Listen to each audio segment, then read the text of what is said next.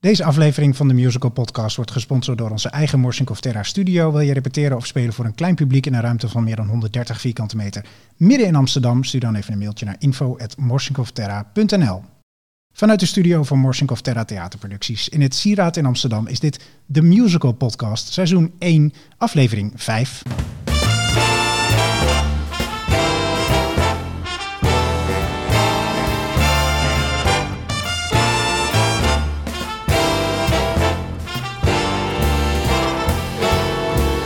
Welkom bij deze vijfde aflevering van de Musical Podcast, waarbij we je meenemen achter de schermen van de Nederlandse musical.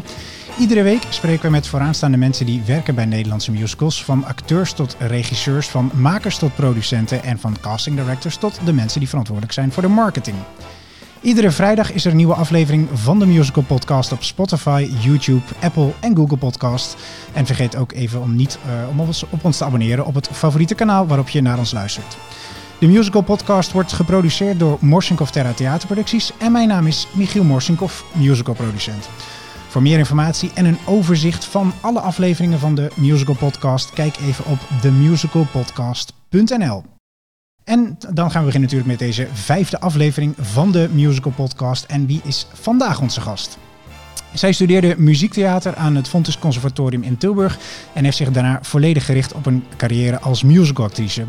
Al meer dan 20 jaar geleden speelde ze in de musical Olive haar eerste grote productie en in 2001 werd ze genomineerd voor de Musical Award voor aanstormend talent voor haar rol in The Hired Man. Daarna volgden rollen in onder andere de musicals De Jantjes, Annie en Rembrandt. En daarna werd ze vooral bij het grote publiek bekend als een van de finalisten van het tv-programma Op zoek naar Evita. Sindsdien heeft ze gespeeld in producties van onder andere Stage Entertainment Joop van de Ende Theaterproducties, V&V Entertainment, Studio 100, De Graaf en Cornelissen uh, Entertainment, M-Lab, De Efteling en natuurlijk ons eigen Morsenkopf Terra Theaterproducties. Recentelijk was ze te zien in de musicals Toon, The Sound of Music, Hij gelooft in mij, Sonneveld, Nonsens, Schuldtrillen Musical en De Sprookjesprokkelaar. En ze werd ook meerdere keren genomineerd voor een Musical Award. Onder andere dus voor The Hired Man, maar ook voor haar rollen in De Jantjes, Rembrandt en The Sound of Music. Wieneke Remmers. Hi. Welkom. Dankjewel. We nemen dit een tijdje van tevoren op en uh, uh, op het moment dat we dit opnemen is het een soort hittegolf. Dus we smelten hier ongeveer weg in de best studio. Best wel, best wel. Ja, jij maar, vooral. ja, inderdaad. Maar fijn dat je toch hier uh, naartoe bent gekomen um, in deze, um, op deze warme dag. Ja. Um, leuk dat je er bent. Fijn dat je te gast bent hier. Um, Wieneke, om te beginnen. Speel je liever een grote rol in een kleine musical of een kleine rol in een hele grote productie? Oh, leuke vraag meteen. Um, nou, um, ja, goeie, de afwisseling is het leukst, denk ik. Het is, uh, een, een grote rol is fijn, omdat je... Het is wel fijn om een mooie boog, een mooi verhaal te mogen spelen. In een kleine rol is dat vaak, hè, ben, je, ben je meer de aangever... en vertel je wat minder het verhaal dan de hoofdpersonen. Maar goed, een grote productie is weer mooi, omdat je daar alle toeters en bellen van hè, decor, licht, grote uh, uh, overdadige kostuums, dat heeft ook weer wat. Dus eigenlijk het liefst een grote rol in een grote musical, mag het ook? Ja, natuurlijk. Kun je daar een voorbeeld van geven? Wat was een, een, een, rol die jij speelde in een productie waar je echt heel blij van werd? Um, nou ja, de, de Sound of Music is toch wel uh, een van mijn favoriete rollen die ik mogen spelen, omdat ja, kijk, je, je hebt hoofdrollen en hoofdrollen.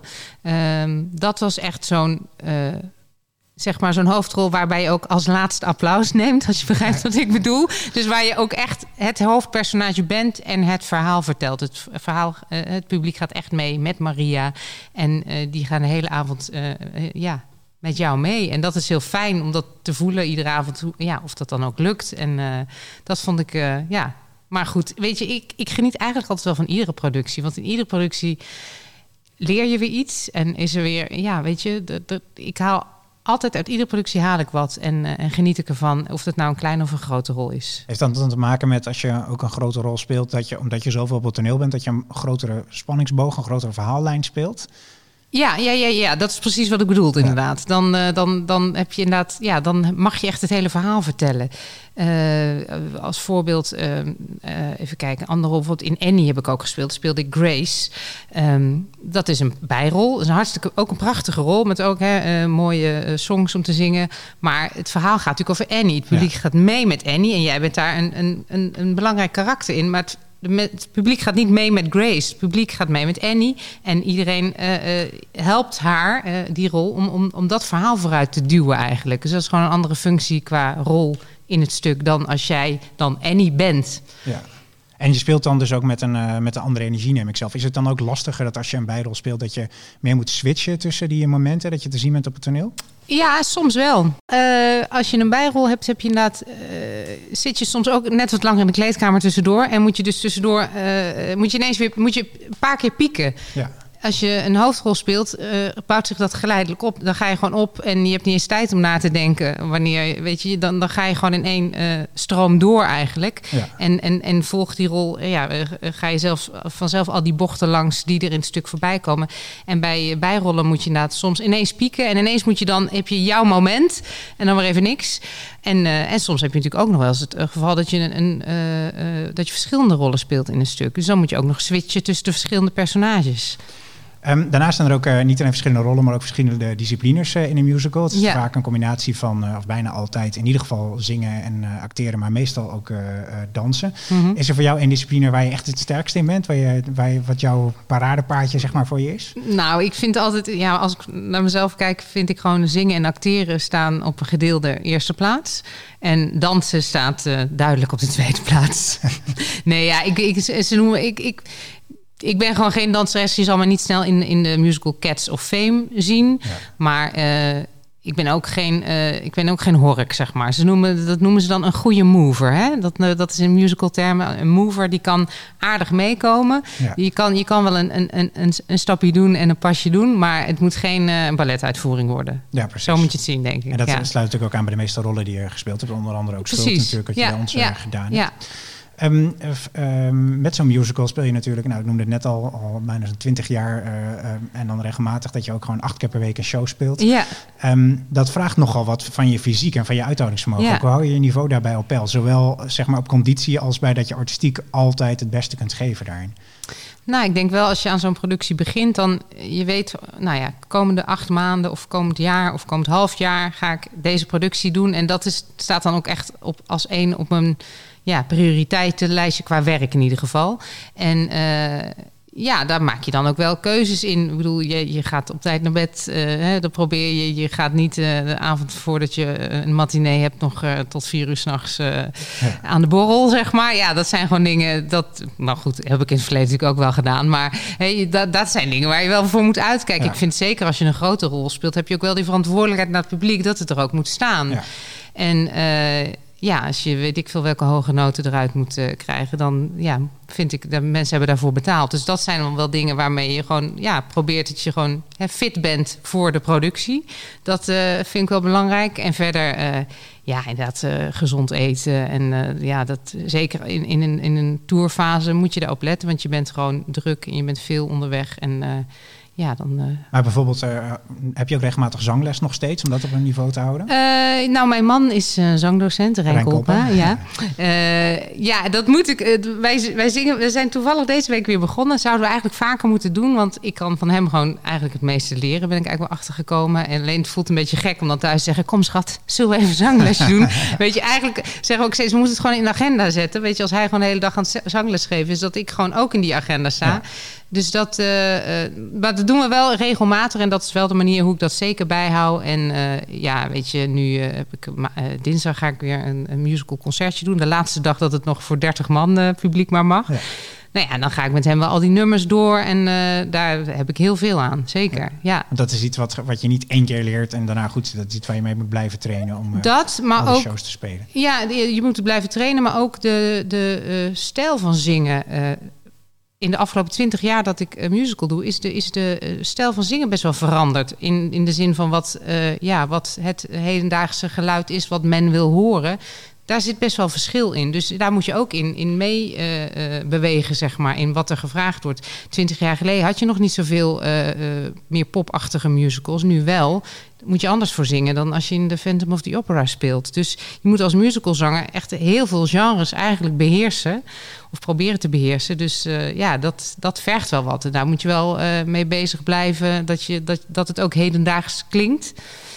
En, je eh, scholing was meer klassiek dus dan uh, de, de meer poppy sound die je nu in musicals hoort. Nou ja, nee, toen had je ook al wel Rand en, en, en ja, is misschien niet helemaal het goede voorbeeld. Pop, uh, er zijn gewoon heel veel genres in musical, maar bijvoorbeeld zelfs Les Miserables wordt nu anders gezongen dan twintig jaar geleden. Ja. Hetzelfde stuk, maar daar is een andere uh, tendens ingekomen. Hoe mensen willen dat dat klinkt. En ja, daar moet je wel, vind ik, bovenop blijven zitten. Dat je dat ook aanvoelt wat dat dan is, wat, er, ja, wat mensen dan nu fijn vinden om naar te luisteren. Dat, En dat is ook leuk dat dat blijft bewegen. Het is geen statisch iets van, oh, dat nummer zing je zo.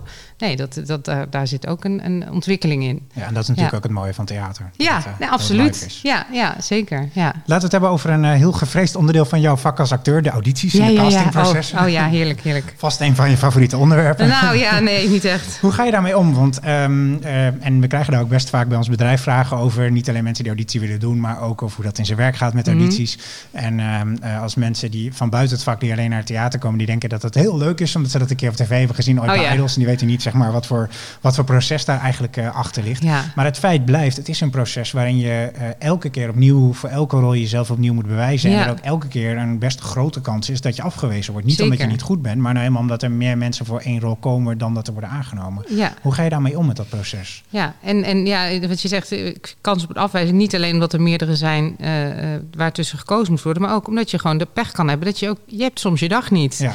En dat, is, dat vind ik heftig soms aan dat je inderdaad je iedere keer moet bewijzen. En het, is, het blijft een momentopname. Dus je probeert op dat moment moet alles samenkomen. Probeer jij te laten zien wat je denkt, wat degene achter de tafel, de producent, regisseur, uh, noem maar op, wil zien. En dat is soms ook maar een gok. Want ja. je kan, ja, je kan een, een, auditie op zoveel verschillende manieren voorbereiden. Vaak moet je een, een lied of, of een scène of een monoloog voorbereiden. En nou, dan begint het al eh, van, ja, als ze zeggen, nou neem zelf een nummer mee. Ja, welk nummer ga je zingen? Oh god, het is een nieuwe musical. Wat voor muziek wordt het eigenlijk? Weet je, wat ja. ga je dan zingen? Daarin kan je al gewoon de verkeerde keus maken. En in, in die zin pech hebben dat je het verkeerd hebt ingeschat. Dat je denkt, oh, dit nummer denk ik dat past. En, en, en degene achter tafel denkt, nee, dit is niet wat we zoeken. Want wij gaan iets heel anders doen. Maar ja, dat weet jij als acteur ook nog niet precies. Dus het, het, het, het zijn zoveel kleine facetjes die meespelen. Ik, ik, ja, stom voorbeeld, maar dat is dan geen musical auditie. Maar ik moest vorig jaar auditie doen voor een commercial. Ben ik uiteindelijk aangenomen. Toen bleek, vonden ze het colbertje wat ik aan had, dat was het helemaal. Serieus. Dat je denkt, are you kidding me? Dat, dat, dat is bijna waarop ik was aangenomen. Want dat colbertje was, moest ik ook aan tijdens de draaidag. Dat je denkt, ja, ik had dus op mijn kop kunnen gestaan, maar het ging om het goede jasje. Ja. Dus nou ja, of dat is een stom voorbeeld, maar zo werkt ja, Een ander leuk voorbeeld is, ik schiet me ineens te binnen toen jij uh, ruim twee jaar geleden bij ons editie deed ja. voor Schuld. Ja. Toen ging dat om de moederrol van het hoofdpersonage. En jij had gedacht, nou, ik vul haar op een bepaalde manier in voor die, uh, voor die auditie. Ja. Uh, en dat bleek toevallig heel dicht te liggen bij, bij wat we zochten en wat de regisseur Daniel Cohen zocht. Ja. En dat kan inderdaad enorm veel verschil maken. Want ja. andere actrices waren daar, die waren ook goed. Ja. Um, maar die hadden een hele andere manier invulling aan die rol gegeven in die auditiescène. Waardoor het dan toch lastiger is om zo iemand in zo'n rol te zien. Dat is nou, dat we, ik weet nog inderdaad dat dat een hele mooie scène was. Maar bij, waarbij ik toen dacht, oh ja, die kan je wel van heel veel verschillende kanten aanvliegen. Welke kant zal ik kiezen? Ja, dan heb ik inderdaad geluk gehad dat ik de goede kant heb ja. gekozen. En ja, wat, en je moet ook dan, wat, wat belangrijk is, tijdens zo'n auditie kijken of je nog wat kan vragen van wat willen jullie ja. als die ruimte er is. Want die ruimte is er ook niet altijd. Als er heel veel mensen achter elkaar door moeten, moet je gewoon je ding doen. Maar het is, ja, het is een ontzettend spannend proces. En uh, ja, het voorbereiden, ook uh, inderdaad, uh, hoe ga je het spelen? Een scène kan je op zoveel manieren spelen. Wat ga je aantrekken? hoe ga je het zingen? Wat ik net over had. Als, als je een nieuw nummer krijgt, wat, wat, wat je nog niet kent, wat nog niet, is, nog niet gedaan is, nieuw materiaal. Ja, wat voor stijl zang willen ze dan? Ja, dat is, dat is heel lastig. En soms ja, gok je goed en soms gok je verkeerd. En dat heb ik ook meerdere malen meegemaakt. ja, dat je, dat, je al, dat je gewoon na een minuut denkt... nee, dit heb ik totaal... dit is niet wat ze wilden zien. Nee. En hoe ga je met dat afwijzingsproces om? Want dat is hoe goed je ook bent. Dat gebeurt, ik bedoel, we hebben net Ja. opgenoemd... heel veel rollen gespeeld, maar je zal waarschijnlijk nog veel meer audities gedaan hebben. Zeker, zeker, zeker, ja. Ehm, dus dat, moet, dat vraagt ook best veel van jezelf. Dat je, dat je dan weer te horen krijgt... nee, sorry, volgende. Ja. Is dat, eh, hoe ga je daarmee om?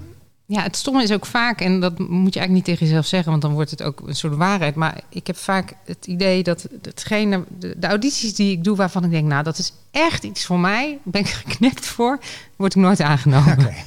dingen waarvan ik denk, nou ja, ik kijk wel even, ik ga erheen, ik weet het niet zo goed. Is het wel iets voor me? Blijkbaar ga je dan toch iets relaxter in. En dan heb ik, dan, op het algemeen word ik dan sneller, uh, krijg ik die rol. Maar een afwijzing, ja, dat is heel wisselend. De ene keer voel je gewoon van, nou ja, je ziet, je ziet vaak ook je concurrentie zitten in de, in, in de wachtkamer, zo maar zeggen. Dat is ook altijd best wel heftig. En soms denk je dan ook, ja, joh, eh, je kan ze allemaal nemen, ze zijn allemaal goed. En als ik dan voor mijn gevoel het gewoon goed heb gedaan, dat ik denk, nou, dit is ook echt wat ik te bieden heb. En ik word dan afgewezen, dan denk ik, nou ja, dan moet het niet zo zijn. Dan is het voor iemand anders. Maar als de auditie voor mijn gevoel beter had gekund, dat ik niet helemaal het gevoel heb dat ik heb kunnen laten zien wat, wat erin zit.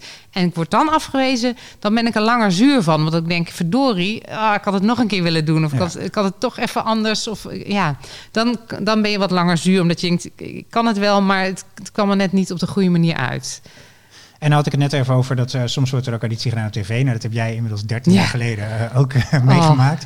Toch is dat ook voor jouw carrière best heel belangrijk geweest. Want je hebt daarvoor natuurlijk een hele goede opleiding gedaan. Ook in hele mooie producties gestaan. Maar daarna denk ik meer hoofdrollen gespeeld. Ja, ja. Dus hoe belangrijk is dat? Dat je bekend, niet zozeer auditie doet op televisie, maar dat je in ieder geval die bekendheid mee hebt. Nou ja, dat is wel inderdaad een beetje waarom ik ook toch een beetje mee ging doen. Want ik vond het best wel uh, een lastig proces. We hebben hele... het over op zoek naar Evita. Op zoek naar Evita, ja, ja, precies. 2007. Ja, nee, dat was dat is toch een beetje de reden waarom je meedoet. Dat je denkt, je komt op televisie. En we weten allemaal, als je op televisie komt, dat dat helpt.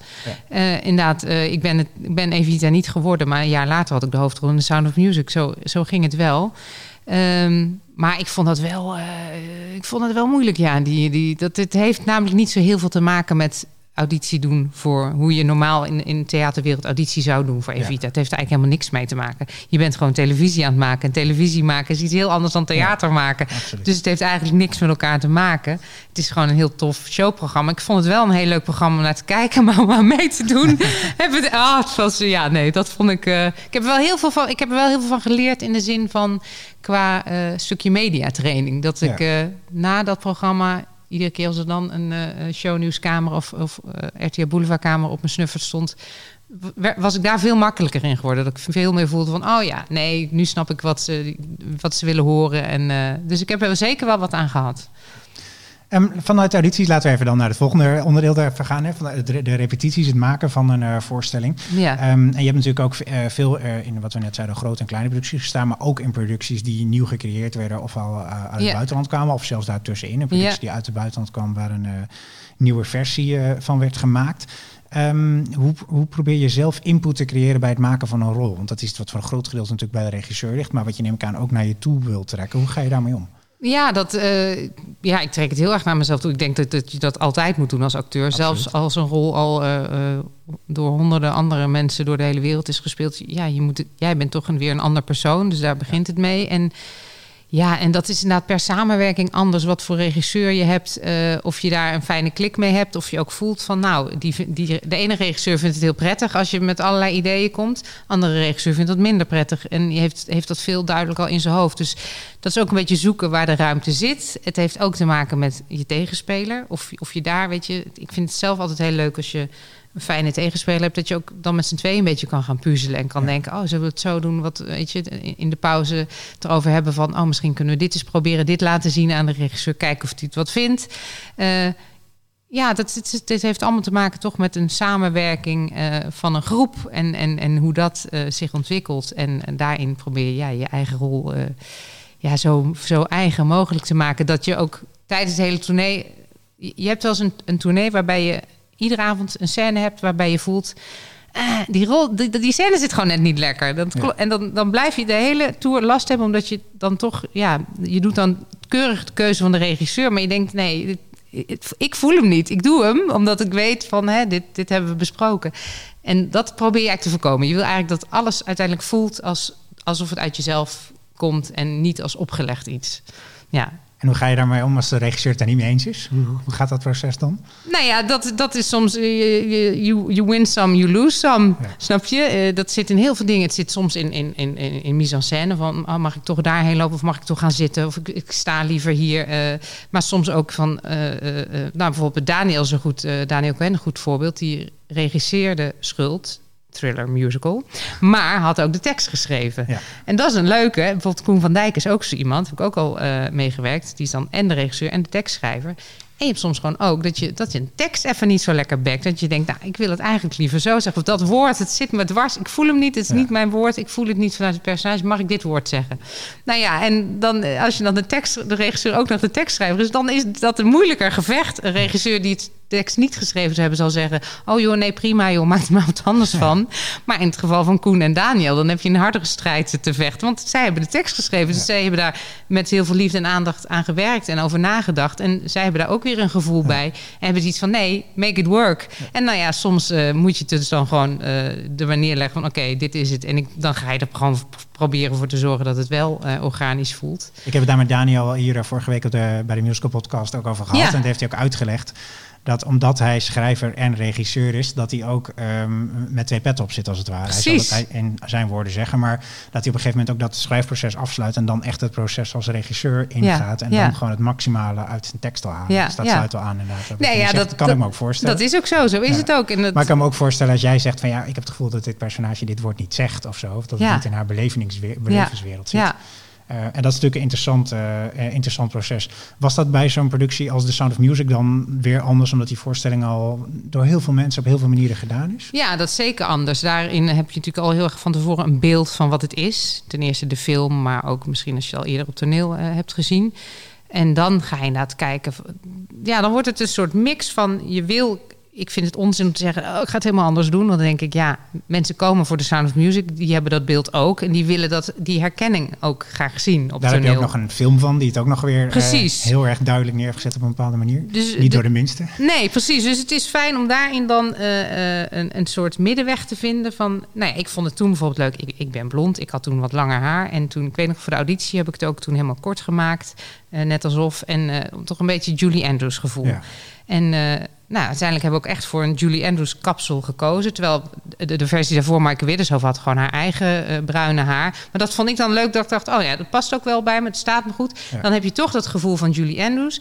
Maar ik vond het wel leuk om. om ik, ik ging gewoon goed naar die rol kijken. En ik dacht, oh grappig. Iedereen heeft een soort heel tuttig, eh oudbollig gevoel bij. Heel romantisch, ja, een beetje ja, tuttig. En als je goed naar het stuk kijkt en naar die rol, is het best wel een stoer personage eigenlijk. Want het is juist iemand die tegen alle regels ingaat. En dat vond ik dan heel leuk om dat uit te gaan bouwen. Dat je denkt, ja, want dat maakt het nou juist zo'n leuk karakter. Ja. Dat het juist, ja, het is een non, maar die, het helemaal, die helemaal geen non kan zijn. Omdat ze veel te eh, spontaan en, en, en, en veel, te, ja, eh, ja, veel te leuk en veel te gek en veel te eh, stoer is eigenlijk. Met andere woorden, je laat inspireren door Julie Andrews en er dan weer je eigen ding mee En dan ga je er weer zelf wel zelf mee aan de haal. En dat, ja, En dat is ook het mooie aan ons vak. Hè? Niet, laten, niet iets kopiëren, maar je laten inspireren door Ja, iemand anders. ja. Dat, volgens mij werkt dat ook ja. Echt supergoed. Ehm en heb je ook, nou, we hadden het hier aan het begin al heel eventjes over bij grote of een, eh, een kleine productie. Is het proces ook anders? Want je hebt bijvoorbeeld ook in M-Lab gestaan. Nou, Ja. echt, dan sta je echt in een eh, nou, ruimte die ongeveer zo groot is als de studio Ja. die wij hier zitten. ja. Dat is wat anders dan eh, het nieuwe Luxor of, eh, of het Efteling Theater. Ja, ja. Ehm, maar heeft dat ook, ehm, nou, je gaf net al aan, je voorkeur, je zou het liefst dan een grote grote nou ja, dat is eigenlijk niet waar. Dat zei ik net. En toen, voelt, voelt het beste, misschien laten we dat zo zeggen. Nou, misschien komt het ook meer omdat ik nu ook Titanic op de planning had staan en daar nu ook heel veel zin in had. Dus er komt ook een beetje. Heel ik- diplomatiek antwoord. Heel Nee, goed. maar het is ook echt zo. Want ik vind namelijk oprecht, weet je, eh, M-Lab Into the Woods eh, had ik nooit willen missen. Ja. Eh, Schuld vond ik echt een fantastische voorstelling. Want nee, de afwisseling is eigenlijk het allerleukst. Maar zit er een verschil in het proces ook da- daarin, als je zo'n voorstelling gaat maken? Mm, eigenlijk niet, vind ik. Want ja, nee, je, gaat met, je begint met een groep en de groep is groter of kleiner. Eh, het maakproces van eh, je gaat een verhaal vertellen, je gaat een rol eh, uitwerken, dat is eigenlijk hetzelfde. Je gaat de muziek studeren, je gaat de teksten leren.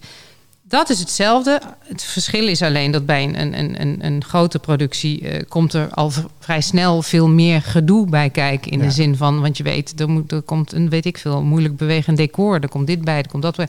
Groot orkest. Dus er, er komen meer aspecten bij elkaar. In een kleine productie blijf je gewoon veel langer met het kleine groepje. Ja. En tot het eind eh, doe je het met dat kleine groepje. Dus dat voelt wat, eh, ja, wat intiemer, omdat je gewoon met, met minder mensen bent en daardoor meer op de centimeter met elkaar zit. Ja, je hebt minder eh, verschillende mensen die aan zo'n productie meewerken. Een grote productie zijn natuurlijk gewoon echt gewoon 50 man per avond. eh. En al die elementen, kan dat afleiden of versterkt dat juist het geheel? Ja, uh, uh, nou ja, dat, dat is iedere keer, dat, dat is een beetje de magie van theater. Bij de ene productie wordt dat één grote uh, bom van energie die helemaal klopt. En bij de andere productie is dat wat minder gelukt. Maar dat kan bij een, een kleine groep ook misgaan. Ja. Ik vond dat bij Schuld, nou bijvoorbeeld echt zo'n, dat, dat, daar klopte alles. Ik weet nog wel dat we daar de eerste lezing deden met muziek. En dat je dan echt voelt van, nou, dit voelt zo goed. Dit, dat kan bijna niet waar zijn. Dat je, dat je denkt van, waar komt ergens de dip van, oh nee, wat is het stom, het wordt nooit wat. Want die dip komt bijna altijd in een repetitieproces, dat je het ineens met z'n allen niet meer ziet.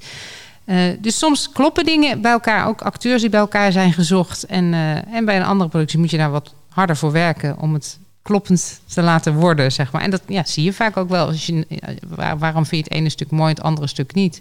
Het heeft vaak ook gewoon met die energie te maken... of, of, of zo'n groep of zo'n zo'n club klopt. Of ze, of ze met elkaar iets tofs hebben gevonden of niet. Heb je daar ook als, daar ook als invloed op gehad? Dat je iets hebt geïnitieerd of de mensen hebt aangedragen... dat je dacht, nou, we gaan dit samen doen met, met deze mensen?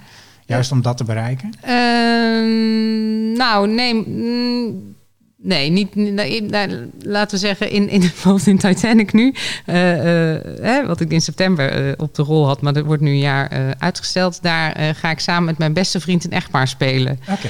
Nou ja, ik heb me er niet mee bemoeid, maar ik heb het misschien wel even laten vallen van, ik zou het niet heel erg vinden als het of zo uitkomt. Marcel Visser. Okay. Dat is, is, ja, is echt mijn beste vriend. En ik dacht, nou, dat zou toch enig zijn als wij, want wat ik daar leuk aan vond, wij, wij werken heel alle audities die ik doe, dat heb ik eigenlijk net nog niet eens verteld bij het mm.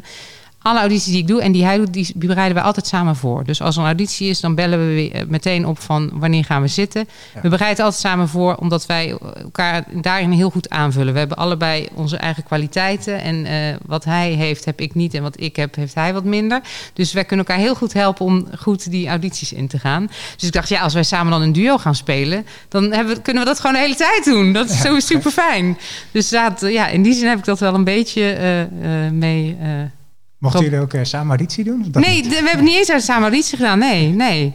Nee. Maar gewoon allebei hetzelfde, eh, de helft van een uh, grote geheel gedaan. En dat viel uh, voor, ja, voor, de ja. regisseur daar ook op. Nou ja, nou ja zo, ja. ja, Leuk. ja. Duurt nog even voordat we die voorstelling gaan zien dus alleen. Ja, dat duurt nog even. Alle grote producties moeten we allemaal even op wachten helaas. Ja. Daar kijken we dan naar uit. Ja. Um, we hadden het net uitgebreid over de voorbereiding van de auditie. Maar laten we het wat verder ook hebben over de voorbereiding van een rol. Mm -hmm. Hoe ga je daarmee om? Je krijgt natuurlijk van tevoren een script opgestuurd. Soms weet je, nou, we hadden net voor Sound Musical. Dan weet je wel duidelijk waar het over gaat. Bij andere producties is het misschien minder duidelijk. Zijn er vaste dingen die je daarin doet voor dat die repetitie start om je daarop voor te bereiden? Um, nou, over het algemeen, eh, ik ga bijvoorbeeld nog geen teksten leren, want dat vind ik, vind ik niet prettig. Ik vind het gewoon fijn om, om dat pas echt te doen vanaf repetitiedag 1. Uh, ook omdat je anders al te veel uh, toontjes in je hoofd gaat maken. Dat je al weet, oh, ik ga zo zeggen. Terwijl ik wil er juist open ingaan. En want je weet nog helemaal niet uh, ja, hoe je het gaat spelen met je tegenspelers. Um, en verder, ja, het ligt een beetje aan wat voor rol het is. Kijk, bijvoorbeeld als jij iemand gaat spelen die echt bestaan heeft. Bijvoorbeeld, ik heb uh, uh, in Rembrandt uh, Saskia gespeeld. Ja, dan ga je natuurlijk van tevoren wel op onderzoek uit van wat je erover kan vinden over ja. die vrouw. Wat, je, ja, wat te vinden is. En, wat vond je over haar wat heel bruikbaar was? Weet je dat nog? Het is even geleden. Maar... Oh ja, dat is wel een goeie. Nou, het was wel lastig, want dat is natuurlijk, ja, zij is van wel heel lang geleden, zullen we maar zeggen. Dus ja, dat, zijn dan meer, dat is meer echt het verhaal over wat voor, familie zij kwam. En uh, in ieder geval dat zij wel van stand was. En, en eigenlijk met Rembrandt een beetje, een beetje onder haar stand uh, ging trouwen. Uh, maar ja, verder, dat, dat zijn gewoon kleine details die je dan over de geschiedenis vindt. Waarvan je denkt, oh ja, daar kan ik misschien iets mee. Um, bijvoorbeeld uh, toen ik in Toon ging spelen, ging uh, de vrouw van Toon Hermans spelen, dan ja, kon ik het gewoon aan, uh, aan hun zoons vragen: wat voor ja. moeder hadden jullie nou eigenlijk? En wat was Rietje voor, voor vrouw? Ja, dat vind ik wel heel leuk om daar van tevoren dan iets meer al over te weten. En, Kun je daar en... nog iets van herinneren? Wat ze toen zeiden, dat je dacht, nou, dat ga ik gebruiken, dat, dat is je erg bijgebleven over haar? Nou, ik weet niet, ik had sowieso, toen ik ook foto's van haar zag, best wel meteen een soort gevoel van oh, ik snap wel dat, uh, dat Albert me voor deze rol gevraagd heeft. Ik, vond, ik voelde wel meteen een soort connectie van, oh, het is wel een soort vrouw zoals ik ben. Een, een, ja, zij, nou ja, zij was een, sterke vrouw. Ze had natuurlijk een, man met een, uh, die uh, wereldberoemd was in Nederland.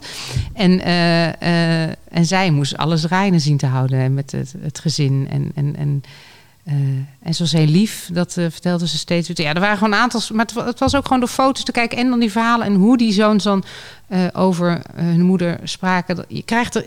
Het is, niet, het is niet zo te duiden van al oh, precies dat karaktereigenschap, maar je krijgt, je krijgt het gaat leven voor jezelf ja. al. En je krijgt een gevoel bij. Dus dat is misschien meer. En dat is aan de research kant. Zijn er aan de technische kant ook dingen die heel belangrijk voor jou zijn om je voor te bereiden op een rol?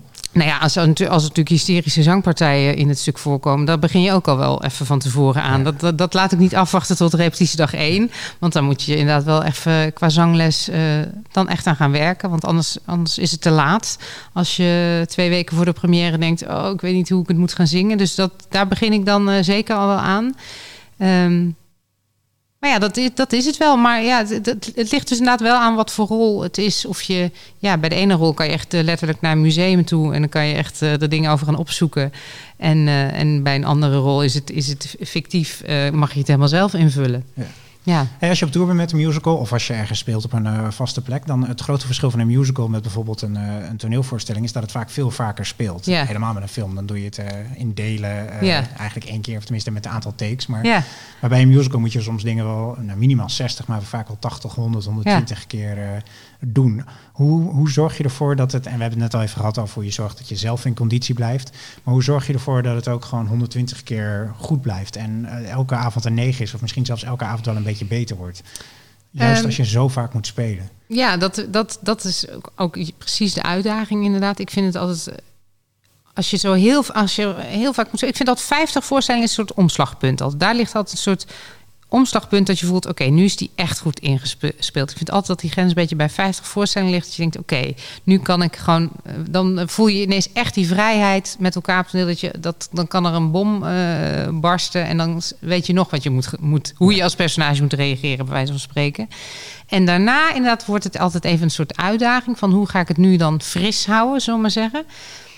En vaak, ik weet niet, het, het is vaak een soort, soort organisch uh, uh, uh, weg van, van iedere keer ga je ergens anders weer je energie uithalen. De ene keer ga je weer heel erg focussen op, op, op, op de muziek, op je, op, je, op je zang, op je nummers. Je denkt, oh, ga dit eens proberen, ik ga dat eens proberen. Dan ga je weer met je tegenspelers net met een andere ingang een scène in, kijken hoe de andere reageert en dan elkaar weer even wakker schudden en elkaar verrassen. Dat je niet iedereen precies hetzelfde geeft aan de ander zodat de ander ook ander, anders kan reageren. Um, soms haal je de energie uit, uh, zeker als je op tour bent. Het maakt echt heel veel uit in welke stad je speelt, hoe het ja. publiek reageert. Dus het ene publiek is echt zeker het andere publiek niet. Dus ook daar kan je weer de uitdaging in vinden. Uh, en als het publiek dan keer helemaal stil blijft? Nee, ja, dat, dat, dat is, ja, dat, dan, dan is het leukst om natuurlijk gewoon te zeggen: Oh, wat een rot publiek. Maar je moet het ook bij jezelf zoeken. Want ja, er is blijkbaar wel iets gebeurd. Ja, en, en het wil niet altijd wat zeggen. Soms is het publiek muisstil en zeggen ze achteraf: Oh, prachtig. Ja. En nog nooit iets moois gezien.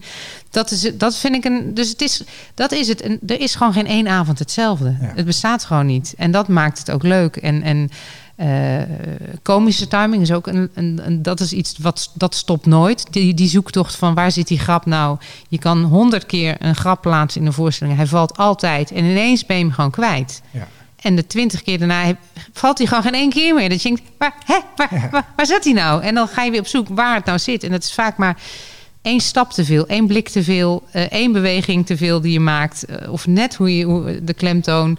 En dan moet je weer op zoek naar waar zit hij ook weer. Dat vind ik heel leuk. Dus, dus je blijft... Uh, nee, het, het, het, het, wordt niet snel saai. En daar spelen try-outs denk ik ook een grote rol bij. Want er zijn vaak producties ja. waarbij je een grap maakt... en de repetitie lokaal... en iedereen die de voorstelling goed kent eraan meewerkt... moet heel hard lachen. Ja. En dan sta je voor de eerste keer voor het publiek... en dan Vaak, stilte. Vaak, ja, vaak zo. Vaak inderdaad dingen die, in, die, die je met z'n allen in het, in het repetitielokaal uh, hysterisch vindt. Daar lacht nooit meer iemand om. En dingen waarvan je tevoren niet eens door had dat het grappig zou kunnen zijn. Dat wordt de grootste grap van de avond. En ga je dan met de regisseur daar ook mee aan de slag tijdens de try-outs? Om dingen daarvoor te veranderen, aan te scherpen? Ja, ja zeker wel. Zeker wel. Ja, dat, dat zijn alle dingen die dat... Zodra, de eerste keer met het publiek is natuurlijk een magisch moment. Want dan ga je ineens voelen ja, waar je nou met z'n allen aan gewerkt hebt en, en wat het is. En uh, dan vallen ineens heel veel kwartjes van, oh, eh, soms ook uh, dingen waarbij je dan zes weken lang hebt lopen sputteren tegen de regisseur van oh moet ik dit echt doen? Dit, dit voelt niet, dit voelt stom, dit oh, nee, dit is niet grappig. Nee, oké, ik doe het wel weer.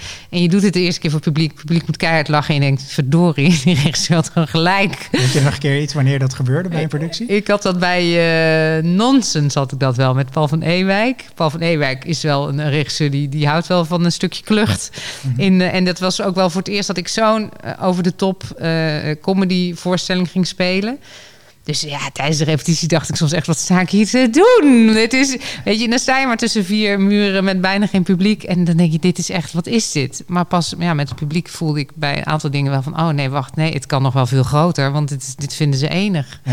ja. ja dat is heel leuk. Dus dat, daar is het, ja, try-out zijn wat dat betreft heel fijn. Want dan voel je inderdaad... Uh, waar de ruimte zit om er nog meer van te maken. Of, of, of je komt dingen tegen waarvan je denkt, nou, dit hebben we, we hebben het de kans gegeven, maar nee, dit, dit gaat eruit, dit wordt hem niet. Ja. Helder. Hey, um, laten we het hebben over talenten en uh, acteeropleidingen. Nou heb jij natuurlijk een hele goede acteeropleiding gedaan aan met Fontis mu Muziektheater destijds. Er zijn ook acteurs in de musicals en zonder te zeggen dat het ene beter is of het andere iemand tekort te doen, maar die dat niet doen, die die stap maken. Hoe belangrijk is dat voor jou geweest om, om die, die onderlegdheid te hebben, om echt echt vakinhoudelijk getraind te zijn op een, op een goede opleiding. Nou, dat is wel een, een, een, fijne, solide start. Ik wil niet zeggen dat het dan ook klaar is. Zeker niet. Ik zat, uh, toen ik op die opleiding zat, was nog, ik was de tweede lichting. Dus uh, toen was die opleiding nog zo vers dat ik er ook bepaalde dingen nog niet heb kunnen leren toen. Dus ik ben uh, zeker in de eerste jaren na mijn opleiding ook nog echt veel acteertrainingen gaan doen. En cursussen om dat nog extra bij te spijkeren. Maar wat fijn is aan zo'n vier jaar opleiding, is ja, dat je gewoon die, al die jaren, je mag gewoon dingen uitproberen. En het hoeft nog niet, het hoeft nog niet perfect. Ja. Weet je, je hebt gewoon de kans en ook een stukje zelfontwikkeling. Je gaat ook daar in die tijd ook heel erg je eigen smaak ontwikkelen. Van wat vind ik nou zelf mooi? Waar hou ik, hou ik van als ik naar theater ga? Dat vind ik ook heel belangrijk als een, een, een, goede acteur of zanger op toneel, dat hij ook zelf een goede ja, een smaak heeft. Die, dat hij weet wat hij zelf mooi vindt. En dat ontwikkel je ook heel erg, omdat je ja, met, met uh, studenten samen uh, dan enorm uh, de nieuwe generatie bent en, en heel erg een, een, smaak ontwikkelt van dit vinden wij mooi en dit willen wij. Uh, dat doe je neem ik aan ook door veel voorstellingen te bekijken. Zo. Ja, ja, zeker. Alles bekijken. Um, ja, toen natuurlijk in Tilburg, maar ook heel veel te beluisteren. Ik weet nog wat toen ik op school zat, was het heel erg uh, Sondheim, uh, voor en na. En door Lord Webber vonden we verschrikkelijk, weet je. En daar ben je dan heel zwart-wit in. Nu zie ik dat ook weer anders. Denk ik, nou, even een, een, mooie Evita kan ik enorm genieten. Alleen weet je, dat is ook goed. Die, Je hebt dat ook nodig om dan even zo heel erg uh, op de barricade van nee, hier houden we van, dit vind ik mooi en dat andere is ah, verschrikkelijk. en, uh, en, en daarna, uh, door de jaren heen, word je dan wat genuanceerder, zullen we maar zeggen. ja. ja. Wat, welke tips zou je kunnen geven aan, uh, aan jonge acteurs en actrices die het vak in willen? Hoe, hoe, zorg je dat je op zo'n opleiding komt? Welke stappen heb jij gezet en je denkt, nou, dat moet je echt doen, dan zorg je dat je verder komt. Het begint en eindigt eigenlijk allemaal met talent in ons vak natuurlijk. Ja. Maar er zijn bepaalde keuzes die je kunt maken, dingen die je kunt doen. Uh, ja, zeker. Uh, en je hebt het dan vooral voordat mensen naar een opleiding gaan? Of ja, zeker. Ja. Um, ja, ik denk tegenwoordig zeker. Ik denk dat ik wat dat betreft nog geluk had toen ik uh, de opleiding wilde starten. Uh, ja, ging dat nog vrij makkelijk. Waren er niet zo heel veel aanmeldingen. Uh, tenminste, in ieder geval een stuk minder dan nu. Nu zijn het er echt honderden per opleiding. Maar wat vooral bela belangrijk is, is dat zodra je voelt dat je dat vuurtje in je hebt, dat je, dat je, dat je gewoon hè, dit wil doen ja, dat je gewoon alles aangrijpt wat je kan doen. Dat, dat je het alles gaat beluisteren, gaat bekijken. Dat je, dat je, ja, het klinkt al zo vreselijk, maar dat je je rugzak helemaal tot de nok toe vult met, met, met alles wat ermee te maken heeft. Met, met lessen. Met, ja, je moet er gewoon eigenlijk gewoon de hele tijd, met, ja, alle energie die je hebt, moet je daarin stoppen. Je moet er gewoon de hele tijd mee bezig zijn en, en er helemaal voor gaan. Dat is gewoon, de, de concurrentie is wel echt, wat dat betreft, moordend nu. Er zijn zoveel mensen die dit willen. En, uh... De beter producent worden dan niet iedereen. Ah, ja, misschien wel. Ja, maar dat, dat, dat is gewoon wel echt... Uh, ja, je moet er gewoon echt wel vol voor gaan.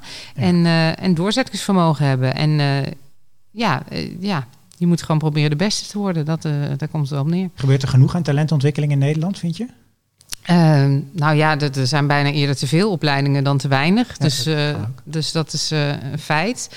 Um, ja, ik, denk het eigenlijk zeker wel. Ik zou het wel leuker vinden als er iets meer kruisbestuiving zou zijn tussen verschillende opleidingen. Blijft, uh, Nederland blijft een hokjesland. Ehm, ik vond het leuk dat jij net zegt van, je hebt een goede acteeropleiding gedaan. Want uh, over het algemeen wordt daar niet altijd zo naar gekeken als je op het conservatorium hebt gezeten. Want uh, ja, de hele wereld van uh, toneelschool, musicalopleiding, uh, conservatorium, dichte muziek, het zijn allemaal verschillende afdelingen en ze hebben allemaal zo weinig met elkaar te maken. Ja. En dat begint nu wel langzaam te komen, dat, dat je wat meer kruisbestuiving krijgt. En dat, ja, dat zou eigenlijk al bij de opleiding al moeten beginnen. Ja. Iedere opleiding is nu heel erg voor zichzelf. Ik had in Tilburg bijvoorbeeld heb je de muziektheateropleiding en de musicalopleiding.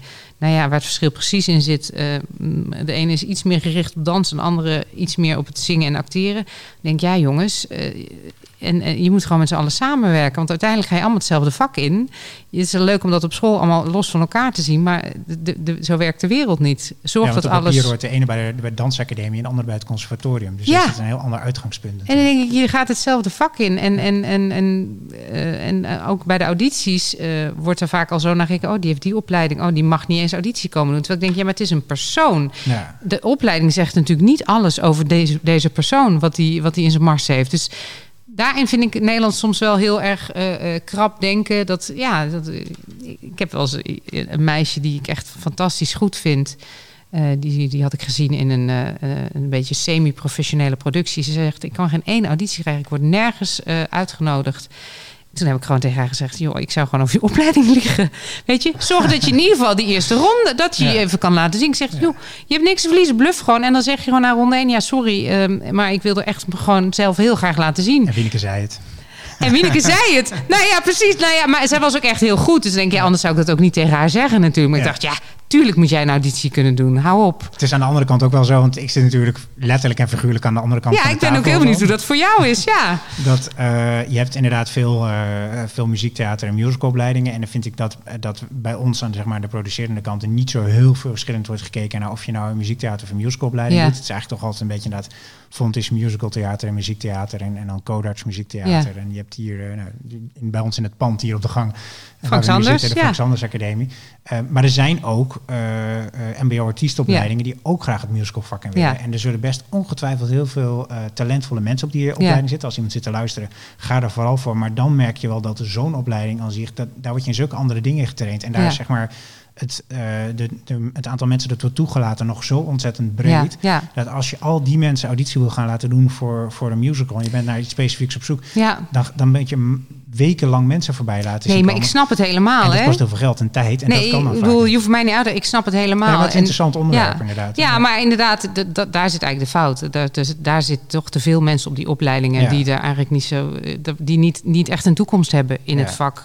Uh, hoe lullig ook. En dan dat is eigenlijk zonde voor degene die erop zitten, die, die wel uh, dat talent hebben. Ja, dus we zouden meer moeten opletten bij welke mensen de opleidingen komen. En die mensen vervolgens allemaal de kans moeten geven om auditie te doen. Ja, ja maar ja, inderdaad, ja, het is wel, het is een ingewikkelde materie. Want ja, je hebt natuurlijk, ja, het is ook een gok. Je weet van een foto kan je natuurlijk niet aflezen of iemand uh, goed is of niet. En, en inderdaad, opleiding zegt ook niet altijd alles. Ook mensen van een goede opleiding kunnen soms ook tegenvallen. Ja.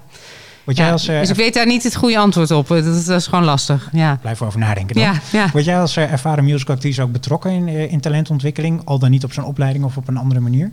Uh, nou, ik ben toevallig nu uh, uh, een meisje aan het regisseren. Die doet muziektheater klassiek in, in Tilburg. dat is weer een aparte opleiding die helaas wel gaat stoppen. Maar ehm, zij studeert volgende week af. Dus ik regisseer haar solo. Ze doet een voorstelling over Fine Lamar. Leuk onderwerp. Ja. En dus die, dus dan regisseer ik haar. En dat vind ik heel leuk. Dan ben je toch wel even terug op school. En ja, en het is gewoon leuk om dan alles wat je hebt meege gekregen in de laatste twintig jaar om dat weer aan haar over te dragen. En, uh, en dan ook weer te herkennen bij haar van, oh ja, waar zij dan tegenaan loopt. En dat, ja, dus dat vind ik heel leuk. En, maar dat doe ik inderdaad op een opleiding, maar ook bij amateurverenigingen. En ja, vorige week ook nog een hele dag workshops gegeven ergens in Brabant. En ja, dat is wel heel leuk. Ik krijg wel energie van. Heb je ook ambitie om meer te gaan doen op regiegebied? Nou ja, ik vind het wel heel erg leuk, moet ja. ik zeggen. Het, ik, ik, ik, weet nog wel dat ik, ja, weet je, weet je, tien jaar geleden begon ik een beetje met af en toe les te geven, een keer een workshop geven. Nou, dan denk je, oh god, wat heb ik nou te vertellen? En dan kom je er vrij snel achter dat dat redelijk vanzelf gaat eigenlijk. En nu sinds vier jaar ook wat regies mogen doen. En ook daarin merk ik nu al van oh, dat gaat me steeds makkelijker af. En, en uh, weet je, ja, dat uh, ik uh, van de week kwam ik, hadden we technische doorloop met dat meisje. En nou ja, ik wist niet zo goed wat ik kon verwachten qua lichtgeluid. Weet je, het is, het is natuurlijk een afstudeervoorstelling, dus je weet niet in hoeverre er wat er is. Ja. Ja, en dan merk ik nu ook wel, oh ja, dan kom ik daar binnen en uh, oh, ik zag meteen de rang van alles. Oh, het zijn echt goede, goede techneuten, die weten wel wat. Nou, hup, en dan binnen, binnen een uur hebben we een fantastisch lichtplan gemaakt. Dan denk ik, oh, die schud ik gewoon nu zo uit mijn mouw. Dat vind ik leuk. Dan had ik drie jaar geleden gedacht, oh god, hoe moet dat? Dus, uh, nou ja, dat, dat zijn leuke dingen. Dat je gewoon merkt, dat gaat steeds makkelijker. En uh, ook, ja. En dat is de praktische kant. En aan de, aan de makerskant, zeg maar, de artistieke ja. kant, heb je ook dat je denkt, ik wil ook een keer echt mijn eigen artistieke ei kunnen leggen of mijn eigen artistieke verhaal kunnen vertellen. Qua, qua regie bedoel ja, je? Of als op een andere rol als maker. Je kunt natuurlijk ook een, uh, je eigen solo-voorstelling maken, maar regie is dan misschien het meest voor de hand liggend. Ja, nou ja, bij regie ben je natuurlijk altijd wel iets aan het creëren. Of het nou een bestaand stuk is of niet. Ik heb nu al inderdaad, ik heb eh, twee jaar terug dan een, voor, een afstudeervoorstelling ook van Dear Evan Hansen. Nou ja, dat was een, een bestaand stuk uh, hebben we gemaakt. Ja, ook heel fijn om dat te doen. Nou, dit Fien de Lamar stuk was een, een, een, nieuw stuk. Dus dan ga je alweer, dat, dat vond ik ook wel weer spannend. Ik, oh ja, dit is iets nieuws. Hier, heb ik geen, hier kan ik geen voorbeeld van uh, beluisteren, bekijken. Maar goed, uh, ook dat lukt dan. Dat je denkt, oh ja, dat, dat is eigenlijk heerlijk, want je hebt alle vrijheid. Um, ik heb afgelopen jaar in het Tapas Theater voor het eerst een voorstelling ja, uh, uh, samen met Daniel Cohen ook gemaakt. Ja. Dat vond ik heel leerzaam, omdat je dan inderdaad even alles ja, voor elkaar moet krijgen natuurlijk. op, ja, ja, ik heb ook wel gewoon de goede mensen bij elkaar gezocht, maar er moet wel uiteindelijk wat staan. Wat ik daar wel, iedereen vroeg daarna, oh, wil, je, wil je daar niet verder, wil je dat niet uitbouwen? Ik vond eerlijk gezegd een, een solo spelen vond ik helemaal niet zo leuk. ik miste echt een tegenspeler. Ik kan me voorstellen ook. Want musical is zo'n teamvak. Ja. Dat, dat ineens, dan ben je wel heel alleen inderdaad. Als je... Dus ik had nu laatst wel met een, een, een, bevriende actrice... dat ik ineens had ik wel een idee dat ik dacht van... oh, misschien wil ik dat wel. Uh, ik, heb, ik heb wel een idee wat, wat denk ik een mooi idee is... waar uh, misschien kan ik dat uit gaan werken. Maar ik wil... Ik ben, Kun je het vertellen? Op? Uh, nee, misschien moeten we dat straks even doen. Nee, maar ik, waar, waar, wat ik dan wel moeilijk vind, ik, ik ben. Uh, het, het, ondernemerschap, dat weet jij natuurlijk dan weer beter. Maar dan denk je als acteur, je bent, je bent niet per se ook een hele goede ondernemer. Dat vind ik ook nog wel een, een heel ander vak. Zeg maar. Dus ik heb dan een idee en denk ik, ja, maar hoe moet dat dan eigenlijk? Maar dat hoeft de regisseur natuurlijk ook niet, hè? Nee, regisseur niet. Nee, maar goed, uh, ja, ja, nee. Maar, dus ik heb wel een idee, maar goed, dan moet er ook geschreven worden. Ik ben ja. geen schrijver. Ik kan uh, dingen uh, tweaken, zeg maar, maar ik kan niet een heel script schrijven. Dat vind ik echt weer een vak apart. Dat vond ik al heel mooi aan Daniel bij dat stuk wat ik had in Tappentheater was met muziek van Martine Bel, maar mijn eigen verhaal. En dat mijn eigen verhaal had ik helemaal. ik had het al helemaal opgeschreven. Ik had zo aan Daniel gegeven, nou ja, dit zou het kunnen zijn. Maar hij heeft er een script van gemaakt. En dat vond ik gewoon, dat is gewoon, dat is dat wonder van, weet je, bij mij waren het, het waren teksten en het waren best leuke anekdotes, maar hij ging schuiven en doen en, en ja, hij maakte er een voorstelling met een kop en een staart van. En dat is wel, dat, dat, maakt, dat maakt het dan ineens echt theater in plaats van Wieneke heeft nog wat leuks te vertellen. Snap je? Ja. Hey, uh, je noemde net even Dear Evan Hansen. Er zijn nog zoveel mooie voorstellingen in, uh, in New York en in uh, ja. Londen. Ik heb het er met Daniel ook over gehad. Zijn er producties die je daar gezien hebt of waar je weet die vandaar spelen? Dat je denkt, nou, als die naar Nederland komen of laat die voorstelling naar Nederland komen, want daar zit echt een rol voor jou in. Nou, Dear Evan Hansen sowieso. De moeder dan natuurlijk. Ja, nee, ja. er zitten twee moeders en ja, die zouden, zijn allebei prachtig. Maar nee, die staat heel hoog op mijn verlanglijstje. Um, ik heb de, nog de mazzel gehad om die met haar uh, op, op de hoofdrol spelen naar die eigenlijk bekend is de rest van de oorspronkelijke Broadway cast. Oh, wauw. Ja, nou ja. Fantastisch. Fantastisch, ja. Nee, dat is wel echt een van de mooiere dingen die ik afgelopen jaren heb gezien. Ze gaan er nu een film van maken. Wie weet dat die film geweest is. Dan, oh, uh, kijk, dan kunnen we. Dan is het ja. misschien in Nederland uh, bekend geworden. Ja. Nee, dat is wel echt eentje die ik, uh, uh, ja, die ik wel echt, echt uh, hoog op mijn lijstje heb. En ik zou niet eens kunnen kiezen welke moeder. Want het zijn allebei echt hele mooie rol. Het is gewoon zo'n mooi stuk.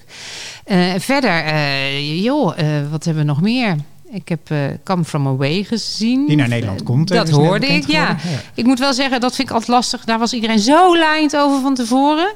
En wij kwamen echt recht uit het vliegtuig. Hop, echt uh, een uur later zaten we in die zaal. En toen dacht ik, nou, nu gaan we het beleven. En ik vond het echt prachtig hoor. Maar ik ga altijd liever open in een voorstelling. Ja. En daardoor had ik, ik had niet het wauw-gevoel, omdat ik, omdat ik er misschien toch al iets te veel van had verwacht. Ja. Dus dat vond ik dan jammer. Had ik bij de Book of Mormon de eerste keer tien jaar geleden. Of, oh ja. Wat was het? Acht, negen jaar geleden Vaak is het dan goed om het nog een keer te zien. Want ik vind Eigenlijk, Come Away, hè? From Away wel te gek. Ja, maar- nee, ik vind, vind hem ook zeker te gek. En eh, sowieso theatraal eh, heel gaaf gedaan met weinig, met een paar stoelen Ja. eigenlijk. Dat vond ik heel tof. Maar eh, ja, god, help me, wat is er nog meer? Ik zou ja toch, de, de Sondheim-liefde die gaat ook nooit weg. Dus een mooie Sondheim-rol zou ik ook zeker nog wel een keer willen spelen. En ehm, als je even de andere kant op kijkt, terugkijkt in je carrière, Ja. wat zijn een aantal van de rollen die je het meest bijzonder vond die je gedaan hebt, je de meest warme herinneringen aan hebt? Eh, als je nu zo terugkijkt naar de afgelopen twintig jaar. de Jantjes, Ah ja, dat is echt zo'n fijn 15 jaar geleden alweer, denk ik, jouw Ja, versie. bizar. Ja, nee, ik vond uh, dat was dat was misschien ook wel echt mijn eerste echt dat was ook wel echt een grote rol, de rol van Blonde Greet in de Jantjes. En toen was ik inderdaad 5, 26 en uh, als Brabants meisje mocht ik een uh, Amsterdamse spelen. Dat vond ik ook wel knap van mezelf dat dat gelukt was. Ja, en uh, nee, dat was een hele bijzondere tour. En dat is zo'n fijn stuk. En dat is ook zo'n stuk. Iedereen die daarin heeft gespeeld, heeft dat gevoel ook bij de Jantjes. Van oh, dat is zo lekker. Dat volks, dat oer-Nederlandse. Daar hou ik ook wel heel erg van, moet ik zeggen. Dus daar uh, heb ik echt van genoten. Ik vond. Um, uh, Rembrandt een mooie periode in de zin van dat ik denk, oh god, die tijd. Wij speelden gewoon een half jaar in Carré, ja. zes dagen per week, met het grootste decor en kostuums ever. Er was best wel wat te vinden over die voorstelling, qua of die, uh, hoe goed die gelukt was of niet. Maar het was, weet je, alles eromheen, uh, dat Rembrandt-jaar en, en het was gewoon een hele bijzondere uh, periode, vond ik dat. Um, Sound of Music, nou ja, daar heb ik ook nog eens mijn man ontmoet. Oh ja, uh, dus ja. dat, die heeft sowieso een speciaal plekje in mijn hart. Maar ja, ik heb bijna eigenlijk ik, iedere productie sluit ik altijd wel uh, in mijn hart. Moet ook ik zeggen. Zeker, ja, nee, absoluut. Ja, die is dan nog wat verser, dus dan ga je er nog niet zo op terugkijken. Maar die, uh, nee, schuld. Ik, noem, ik noem dat erbij, wij lachen erom, maar als je zit te luisteren, je weet niet dat de keer dat wij samengewerkt hebben en hopelijk uh, de eerste keer van vele keer. Ja, ja, laat het hopen, ja. En de ja. tijd vliegt voorbij, het zit ja. er bijna op. Um, ik sluit af met de vraag waar ik bij iedereen mee afsluit die hier zit. En uh, dat is, het is nu 2020. Als we tien jaar verder zijn, hoe, Ja. denk, je dat, hoe denk je en hoop je dat de musical in Nederland er dan uitziet over tien jaar? Nou, echt, laten we hopen dat, dat, dat we na deze hele corona-ellende weer totaal uh, gaan uh, opbloeien. Want dit, ja, ik vind het nu wel een hele spannende tijd wat dat betreft. Want we gingen zo goed, vond ik, ja. uh, qua musical. Er zat zo'n mooi seizoen aan te komen. Dus ik hoop dat, die, dat over tien jaar dat... nou ja, dat we, dat we en meer vernieuwende producties hebben. weet je, de klassiekers moeten ook altijd blijven komen. Maar dat we ook... En dat het meer geïntegreerd is in de hele theater-toneelwereld. Een mooie stap vond ik uh, afgelopen zomer Fun Home in samenwerking met de ITA. Dat ja. je denkt, hé, hey, wacht even, dat is te gek. Ja. Uh, wat ook een mooie ontwikkeling was, dat dit jaar voor het eerst een potje subsidie speciaal voor musical uh, gereserveerd er is nog wat was. discussie over waar het gaat naartoe gaat. Ja, god, laten we het, laat het daar maar even niet over hebben. Maar, maar, maar dat ik denk, oh, dat zijn, dat zijn goede ontwikkelingen, jongens. Het ja. is gewoon echt een, een theatervorm die steeds meer uh, ook gewaardeerd wordt. En laten we die tendens voortzetten. Dat hoop ik heel erg. Ja. Mooi idee. Gaan we zeker hopen dat het zover komt. Ja. Dankjewel voor je komst. Heel leuk dat je er was. Ja, vond ik ook. Echt te gek. Um, volgende week is er weer een musical podcast. Dan zit hier, nee, die ken je waarschijnlijk ook, Maarten Vogel. Ja, zeker, zeker. Nee, we hadden het net over Funhome. Dus, uh, ja, inderdaad. Ja. Daar gaan we er uitgebreid met hem volgende week over hebben. Dit was de musical podcast, aflevering 5. Dankjewel voor het luisteren.